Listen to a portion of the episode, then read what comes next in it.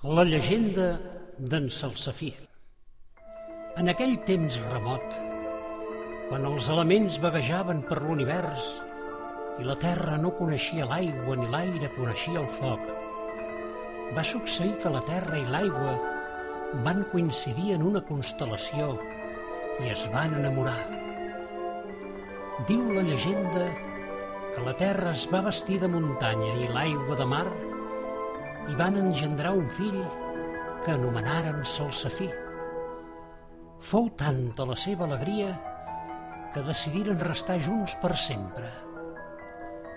Celsa, però, deessa dels elements, en veure que aquella unió havia estat feta sense el seu consentiment, es va enfurismar de tal manera que decidí separar la muntanya del mar i entre ells va crear una vall estesa i un abisme pregon.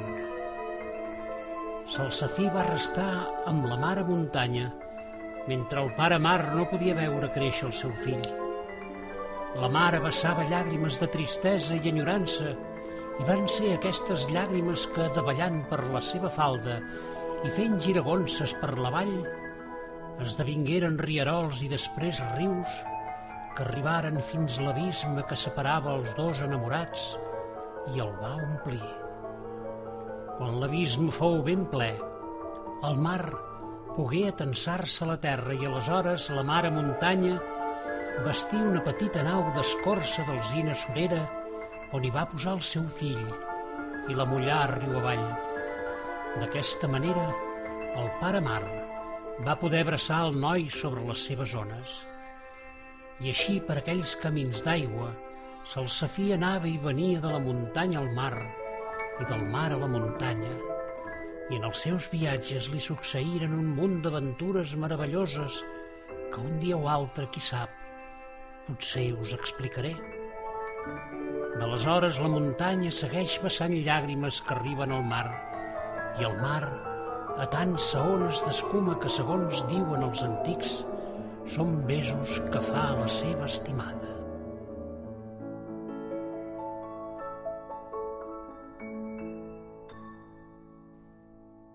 Salsafí i les llavors màgiques. Això era i no era, per qui no ho cregui, que deixi l'era i per a qui no, a la pastera. Un matrimoni ja gran que vivia allunyat de tot i per tot. Casa seva era al mig d'un bosc frondós entre turons i muntanyes i a la vora d'un riu. No tenien cap fill ni cap filla, tot i que la dona ho havia desitjat de tot cor. Un bon dia, com tants d'altres, mentre l'home era al bosc a caçar i a recollir llenya i la dona donava gra a l'aviram, van trucar a la porta de casa.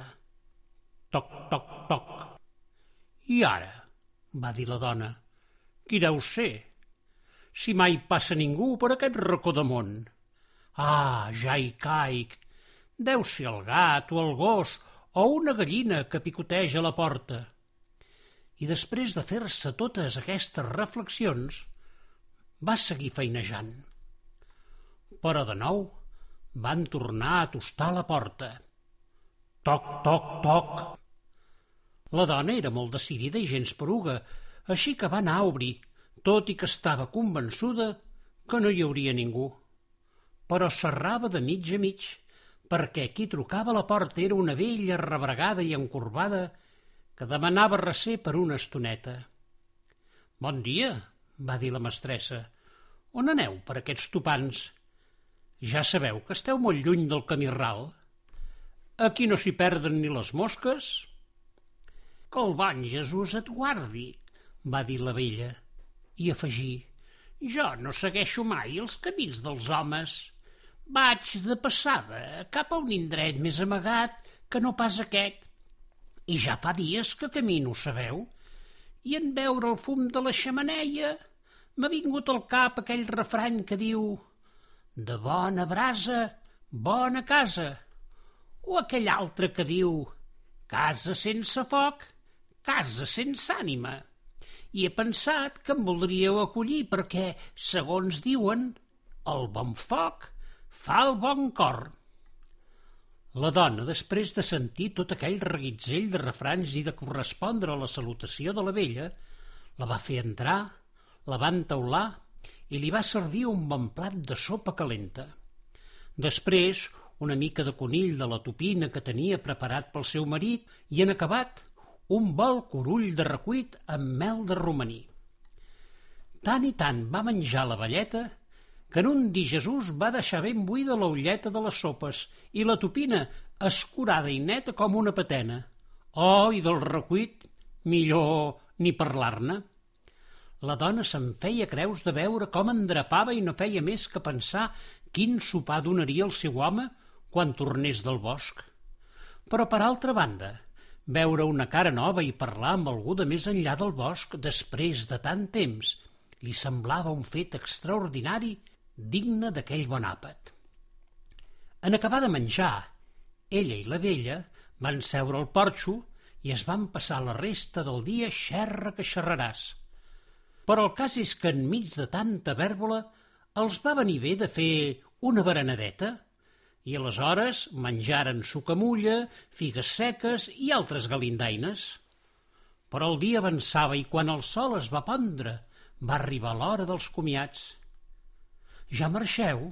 No voleu quedar-vos una miqueta més? va dir la dona. Mm, la lluna ja ha sortit, replicà la vella, i amb la lluna és que faig el meu camí. Però t'he de dir que, asseguda al teu cobert, he passat un dia d'allò més delitós. Ja ho diu el refrany, qui està sota un bon cobert, qui res no guanya, res no perd. No m'afalagueu tant, que també n'hi ha un altre de refrany que diu no canteu meravelles d'una casa vella com els que l'habiten. Ah, potser sí, potser sí, digué la vella, però millor és aquell altre que diu Ditxosa casa aquella que fa olor de vella. I ara, per agrair-te les teves moltes atencions, pren aquesta bosseta. A dins hi trobaràs tres llavors del desig, que bon profit t'han de fer. Apa-li, doncs, que faig tard però abans de sortir per la porta va afegir «Sobretot, dona, tingues present aquest altre referany. Quan t'entra a casa l'aventura, guarda-la perquè no dura». I de la mateixa manera que havia arribat aquella vella rebregada i encorbada, va desaparèixer. Entrada la nit, el marit va arribar amb cara de pocs amics. S'havia passat tot el dia al bosc i estava molt cansat. A més, Portava una gana de mil dimonis. Podeu comptar, doncs, la seva enrabiada en veure que de sopes només en quedava el cul de l'olla i de la topina de conill, solament els ossos. I bé, mestressa, va dir, tanta gana tenies que no m'has deixat ni una micona. Aleshores la dona li va explicar fil per randa tot el que li havia passat amb la vella rebregada i encorbada i li mostrà la bosseta amb les tres llavors. I què vols? va interrompre el marit. Que sopi llavors? No ho veus, que t'han enredat? T'has venut el meu sopar per tres miserables llavors. I l'home reia i escarnia la seva muller tot dient-li «Passarella i bajoca!» «I si fos cert això de les llavors del desig?» va replicar la dona. «Guaitem-les!» Aleshores abocà el contingut de la bosseta damunt la taula – en aparença eren tres llavors com tantes altres i res no feia suposar que tinguessin cap poder especial. I ja saps què has de fer per demanar un desig? va dir el marit amb to burleta. I no? Poc que m'ha dit res la vella, va respondre la muller. Seràs tanoca, t'han donat les llavors, però no t'han dit com fer-les servir. Suposo que les hauré de plantar, insistí la dona perquè una llavor germini, bé s'ha de plantar. Em plantaré una a l'hort per veure si surt alguna cosa. Així és que la dona va córrer cap a l'hort i en va plantar una. I aleshores se li va despertar el vell desig de tenir un fill i va dir «Llavor, llavor del desig, fes que tingui un fill, un xic vell i polit, i que sigui eixerit». L'home no estava per romansos i, endemés, tenia una gana que l'aixecava. Enrabiat i fort de si va donar un cop de puny a la taula amb tan poca fortuna que les dues llavors restants van sortir volant. L'una va anar a parar al fons d'un esclop que hi havia penjat a la paret i l'altra va tenir l'encert de ficar-se dins un pot de vidre amb llavors de tota mena que la dona tenia damunt de la prestatgeria per guarnir la carza. «Què has fet, gran sapastre?» va cridar la dona. «Has perdut les llavors que quedaven!» «Deixa't de llavors i de desig i fes-me alguna cosa per sopar, que tinc una gana que m'alça!» va escridassar l'home. «Harry!» replicà ella. «Fes-te'l tu, gamarús, que com diu el refrany, si vols estar ben servit, fes-te tu mateix al llit». I així fou com va acabar aquell dia, amb un mal sopar i cares llargues, fins que va ser l'hora d'anar a dormir. Un cop al llit, l'home no va trigar a fer uns esbufecs de mil dimonis i la panxa li feia un rau-rau terrible. Segurament perquè amb el sopar tan minso que s'havia preparat li deuria haver quedat un budell mig buit. La dona no que no dormia, que només feia que pensar en la llavor del desig que havia plantat. Però el dia havia estat esgotador amb tantes emocions i pocs minuts després la son la va vèncer i es va dormir plàcidament. I res li va trencar el son, tot i que aquella nit va caure un bon xàfec d'aquells que saonen la terra, amb uns trons i uns llampecs que semblava que el cel s'havia d'esquinçar. L'endemà, i abans que cantés el gall, els va despertar un crit esfereïdor que deia Arrabasseu-me! Arrabasseu-me! Has sentit, maridet? Has sentit aquest crit? Sí que l'he sentit, mestressa, mentre somiava, va dir l'home fregant-se els ulls i afegí, caram, tu també l'has somiat. No sabia que els malsons es poguessin compartir. No és cap malson, babau, és una veu que crida arrabasseu-me, arrabasseu-me. Que no, dona, et dic que és un mal son. Au, tornem a dormir. No veus que encara és fosc i el gall no ha cantat? Però de nou va tornar-se a sentir la veu. Arrabasseu-me! Arrabasseu-me! Ja hi torna, va dir la dona. L'has sentit? Aquesta veu ve de l'hort. Ho creus ara que és un mal son? Cuita a veure què crida. Estàs de broma? Ja es cansarà de cridar, va dir el marit tot tremolant com una fulla. Quin mil home que estàs fet! Ja hi aniré jo. Ja us he dit que la dona era molt decidida i gens poruga, així és que es va embolcallar amb una flaçada i va sortir a l'hort per veure qui feia aquells crits. Arrabasseu-me! Arrabasseu-me! repetia la veu una i altra vegada. Qui crida? va demanar la dona. Arrabasseu-me d'una vegada! insistia la veu, però per allí no es veia ningú. El dia començava a cladejar. Tot estava quiet. Fins i tot el vent havia deixat de gronxar les fulles corulles d'aigua de pluja. A l'hort, les tomàtigues, els enciams, les mongetes i tot el de més també estava ben quiet. Solament es sacsejava un brot de fulles verdes que sobresortia del terra enfangat, allà, entremig dels naps i just al mateix clot on la dona havia plantat la llavor del desig. De pressa, marit meu! Va cridar la dona. Agafa l'escopeta i vine, que el dimoni vol sortir pel nostre hort. No sóc cap dimoni, va dir la veu. Sóc jo, el teu nin, el fill que vas demanar quan vas plantar la llavor del desig. Arrabassa'm d'una vegada. El cor de la dona li va fer un salt tan gran que quasi se li capgira. Era possible que el seu desig s'hagués acomplert. Aviat ho sabria. Es va arromangar les mànigues i agafant amb les dues mans aquell mallonc de fulls que es bellugaven, va estirar i estirar amb totes les seves forces fins a rebassar-lo del terra. I què me'n direu? De sota el manyoc va aparèixer un nin, un nen, bru, d'ulls blaus i cabell negre. En aquell precís moment arribà l'home, amb calça curta i armat amb un fusellot d'aquells que espanten.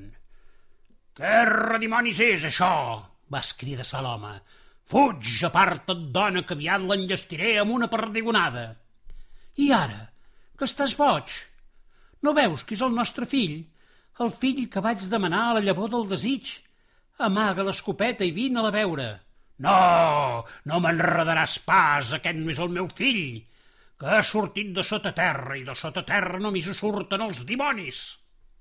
Allò va ser una estira i afluixa de no acabar mai, però la dona estava ben decidida a quedar-se'l perquè aquell nen era el fruit del seu desig. Així és que l'home va haver d'acceptar a contracor fer-li de pare.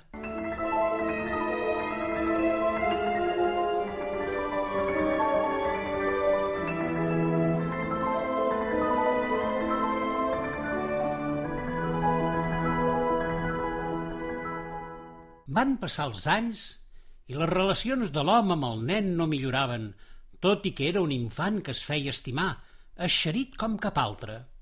Les fugides de casa del marit, però, sovintejaven, i quan tornaven venia més enrabiat que mai, escridassant i maleint el dia que havia aparegut a casa seva aquella vella revergada i encorbada. La dona, en canvi, s'encaparrava a voler ser feliç i era condescendent amb ell, tot fent-li bons menjars i complaent-li en alguns capricis. I bé, espòs meu, qual li posaràs un nom al nostre fill? Certament, aquell infant encara no tenia nom, perquè la dona havia decidit que fos el seu marit que li posés. Però l'home no estava per romansos. Posa-li tu, si vols. A mi tant se m'endona. Així és que la dona li seguia dient nin, convençuda que algun dia el seu marit arribaria a estimar-lo i aleshores li posaria un nom ben bonic. Però lluny d'això, l'odi d'aquell home s'anava fent més i més gran, fins que un mal dia va fer una gran barrabassada. Va ser de bon matí, quan la muller encara dormia. El marit arreplegà l'infant i embolicant-lo en un tros de drap, se l'endugué bosc endins fins a la vora del riu.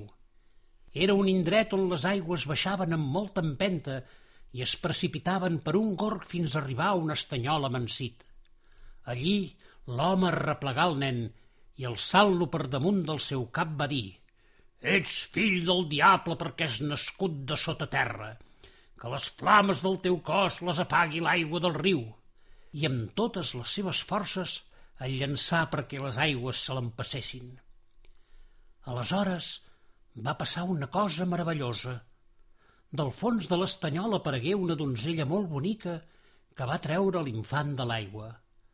El portava dins l'escorça d'una alzina surera com si fos un bressol i posant-lo en braços del seu pare va dir «Aquest és el fill de la terra i de l'aigua, més ara és el teu fill. Li posaràs de nom Salsafí, perquè és nat en un hort, vora els naps.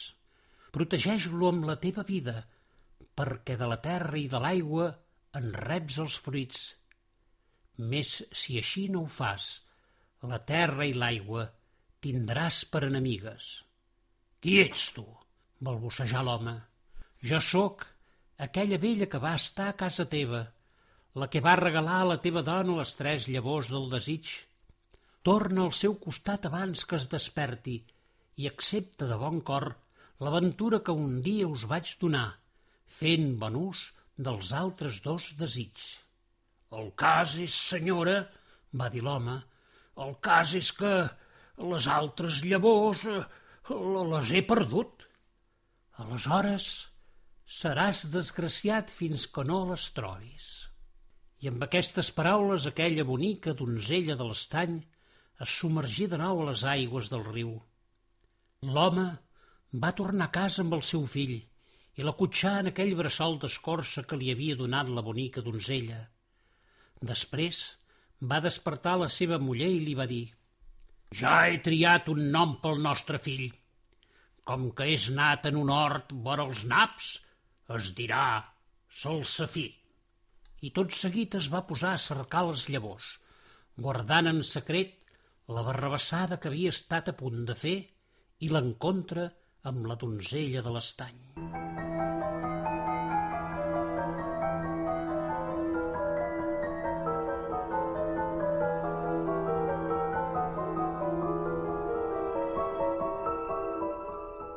Els dies passaven i l'home no feia res més que cercar aquelles llavors que en mala hora es van perdre pel seu cop de geni. «Què fas, maridet?» li preguntava la dona una vegada i altra. Cerco que cerco. I què cerques, maridet? La felicitat que l'he perdut.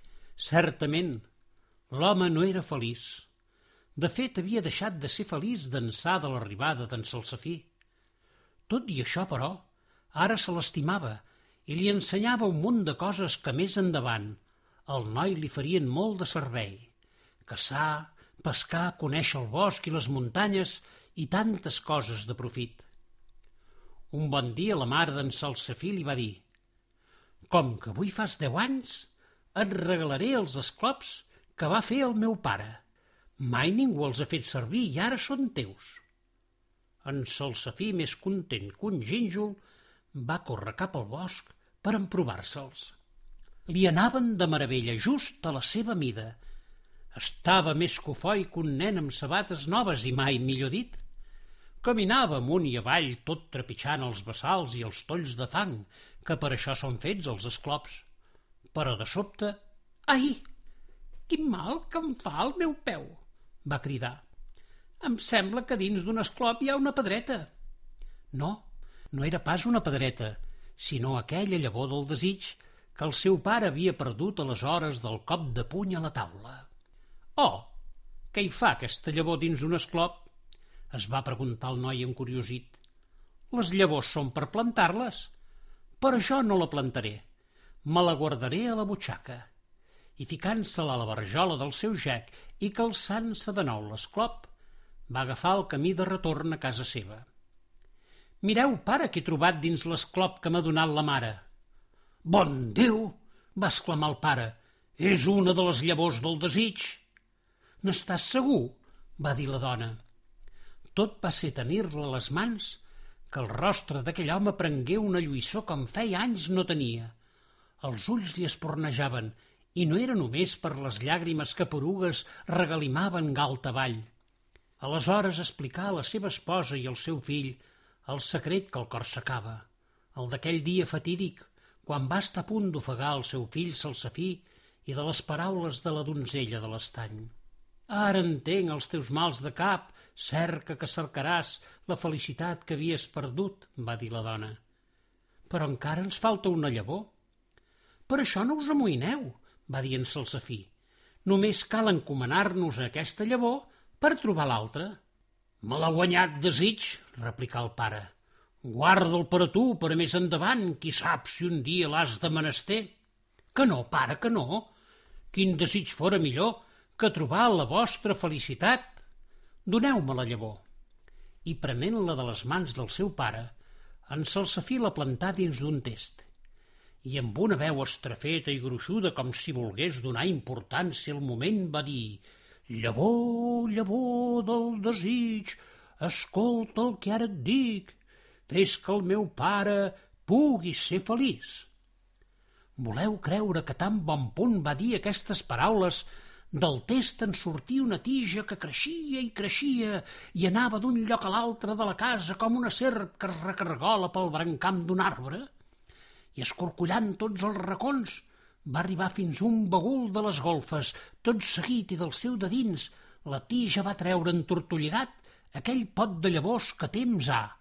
Havia lluït de la prestatgeria de la cuina. Després, i com si el tés la xuclés, la tija va desaparèixer deixant damunt la taula aquell pot de llavors. Podeu comptar l'esturament de la família davant d'aquell prodigi. El seu esblaïment, però, no va durar gaire, perquè algú va trucar a la porta. Toc, toc, toc. No direu mai qui trucava. Era la vella rebregada i encorbada que temps enrere els havia fet el present de les tres llavors del desig es bufegava una mica, així és que va seure i després va refer-se un xic i va dir a l'home «Veig que a la fi has trobat les dues llavors que havies perdut per la teva incredulitat i el teu mal geni. I ha estat gràcies a la generositat del teu fill que, lluny de demanar un do per ell, ha esmerçat el desig de la segona llavor perquè tu recuperessis la teva felicitat. Aleshores, s'adreçà a l'infant.